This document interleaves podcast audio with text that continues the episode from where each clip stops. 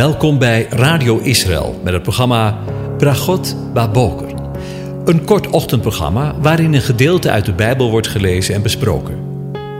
Met Bragot Baboker wensen onze luisteraars zegeningen in de ochtend. Presentator is Kees van de Vlist. Goedemorgen, Bokatov, beste luisteraars. Vanmorgen gaan we weer verder nadenken over Psalm 104 en ik lees de eerste vier versen aan je voor. Loof de Heere mijn ziel. Heere, mijn God, u bent zeer groot. U bent met majesteit en glorie bekleed. Hij hult zich in het licht als in een mantel. Hij spant de hemel uit als een tentkleed. Hij maakt de zoldering van zijn hemelzalen tot wateren, maakt van de wolken zijn wagen, wandelt op de vleugels van de wind. Hij maakt zijn engelen tot hulpvaardige geesten, zijn dienaren tot een vlammend vuur. Tot zover. Over het licht gesproken. We gaan vandaag een vervolg maken door verder na te denken over het licht. En de laatste tekst die we lazen waren de woorden van de profeet Jezaja. Laten we de verzen nog eens in herinnering roepen. We lezen de woorden van Jezaja 8 vers 23 en hoofdstuk 9 vers 1. Voorzeker, er zal geen donkerheid blijven voor het land waarin benauwdheid is. Zoals hij in vroeger tijd minachting heeft gebracht over het land van Zebulon en over het land van Naphtali, zo zal hij in later tijd eer bewijzen aan de weg van de zee, de overkant van de Jordaan, het Galilea, waar de heidevolken wonen. Het volk dat in duisternis wandelt, zal een groot licht zien. Zij die wonen in het land van de schaduw van de dood, over hen zal een licht schijnen. Voor we over het licht verder nadenken, even dit. De profeet Jezaja spreekt hier over het land van Zebulon en Naphtali. En deze woorden zijn bij de komst van de Messias vervuld, want bij zijn eerste komst lezen we in Matthäus 4, toen Jezus gehoord had dat Johannes overgeleverd was, keerde hij terug naar Galilea. Hij verliet Nazareth en ging wonen in Capernaum, dat aan de zee lag in het gebied van Zebulon en Naphtali, opdat vervuld zou worden wat door de profeet Jesaja gesproken werd toen hij zei, land Zebulon en land Naphtali, gebied aan de weg naar de zee en over de Jordaan, Galilea van de volken, het volk dat in duisternis zat, heeft een groot licht gezien, en voor hen die zaten in het land van de schaduw van de dood, is een licht opgegaan. Van toen af begon Jezus te prediken en te zeggen: Bekeer je, want het koninkrijk der hemelen is nabijgekomen. We kunnen hieruit dus opmaken dat Jezus, Yeshua, allereerst naar zijn volk, zijn eigen volk, is gekomen, om hen de verlossing vanuit het duisternis tot het licht. De woorden die zo vaak toegepast worden tijdens wat wij noemen het kerstfeest, zijn in eerste instantie dus gericht op zijn eigen volk. Het fundamentele doel van het licht is duisternis verdringen. Maar duisternis en donkerheid worden vaak ook overdrachtelijk genoemd, zoals we zojuist gelezen hebben met betrekking tot het volk van Israël. Regelmatig worden er lichtmanifestaties beschreven in de Bijbel. Zoals de farao van Egypte dwars ligt en het volk Israël niet wil laten gaan. We lezen daarvan in Exodus 10, vers 11, vers 21 moet ik zeggen, tot en met 29. Dan zorgt de Heere God voor een totale en massieve duisternis in Egypte. Drie dagen lang. Let even op de lengte van die periode. Drie dagen. Ze zagen elkaar niet. En drie dagen lang stond er niemand op van zijn plaats. Voor alle Israëlieten echter was het licht in hun woongebieden. Er is een stad in de regio die heet Heliopolis. En dat betekent stad van de zon. Zou die naam nog uit de tijd van Exodus, Exodus 10, dateren? En de wijzen uit het oosten, uit Babel, werden met behulp van een lichtende ster naar de plaats gestuurd waar het licht der wereld geboren was. Johannes noemt Jezus, Yeshua, en zijn evangelie in hoofdstuk 8 immers het licht van de wereld. En wat te denken toen Simeon in de tempel de kleine Jezus in de armen mocht houden, sprak hij van een licht om de heidenen te verlichten en, en om uw volk Israël te verheerlijken. In Lucas 2, vers 32. En dat is weer een citaat uit Jesaja 42, vers 6. Een licht voor de heidenen, om blinde ogen te openen, gevangenen uit de kerken te leiden, uit de gevangenis, wie in duisternis zitten. Zie je dat de profetieën, die honderden jaren daarvoor uitgesproken waren, ineens vervuld worden? Welk een geweldig architect met een hoofdletter heeft niet alleen onze schepping voortgebracht, maar eveneens het geschreven woord. Niet alleen geschreven, maar eens, eveneens samengesteld en vervuld.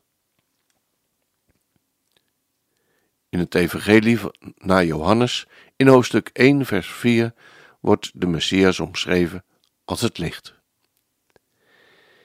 In het woord was het leven, en het leven was het licht van de mensen. En het licht schijnt in de duisternis, en de duisternis heeft het niet begrepen. En over de verheerlijking van de, op de berg in Lucas 17 wordt gezegd: En hij werd door hun ogen van de gedaante veranderd. Zijn gezicht straalde als de zon en zijn kleren werden wit als het licht. Nog een prachtige manifestatie van licht wordt in Handelingen 9, vers 3 geschreven. En terwijl hij, dat is Paulus, onderweg was, gebeurde het dat hij dicht bij Damascus kwam en plotseling ontscheem hen een licht vanuit de hemel. De Heer gaat zich persoonlijk en direct met Saulus bemoeien. En dat gaat gepaard met een grote lichtmanifestatie.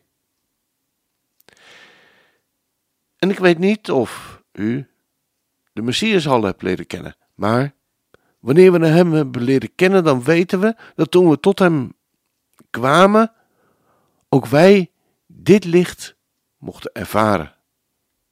Wat een verlichting.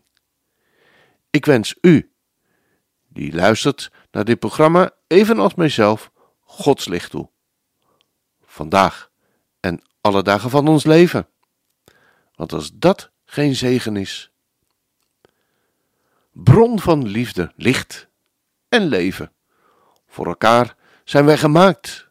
Door uw hand elkaar gegeven. Door uw vinger aangeraakt.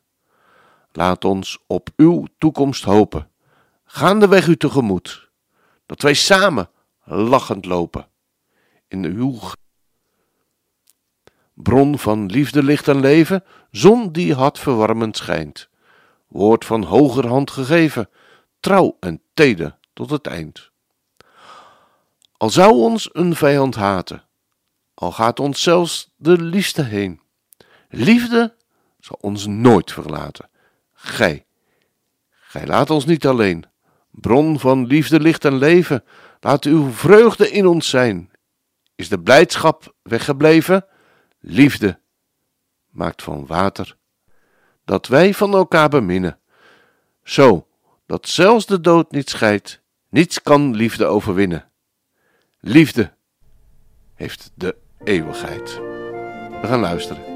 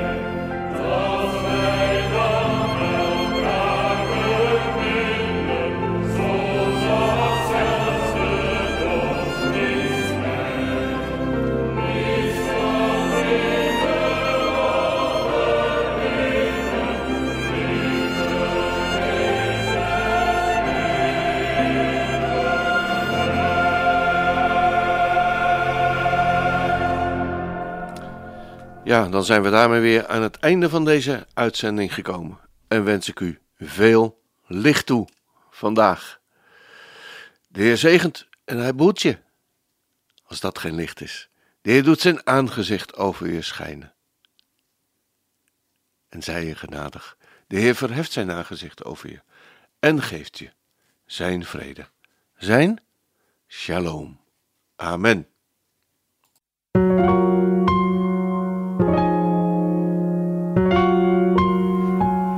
U hebt geluisterd naar het programma Bragot Baboker. Een kort ochtendprogramma waarin een gedeelte uit de Bijbel wordt gelezen en besproken. Wilt u het programma nog eens naluisteren, dan kan dat. Ga naar radioisrael.nl en klik onder het kopje radio op Uitzending gemist.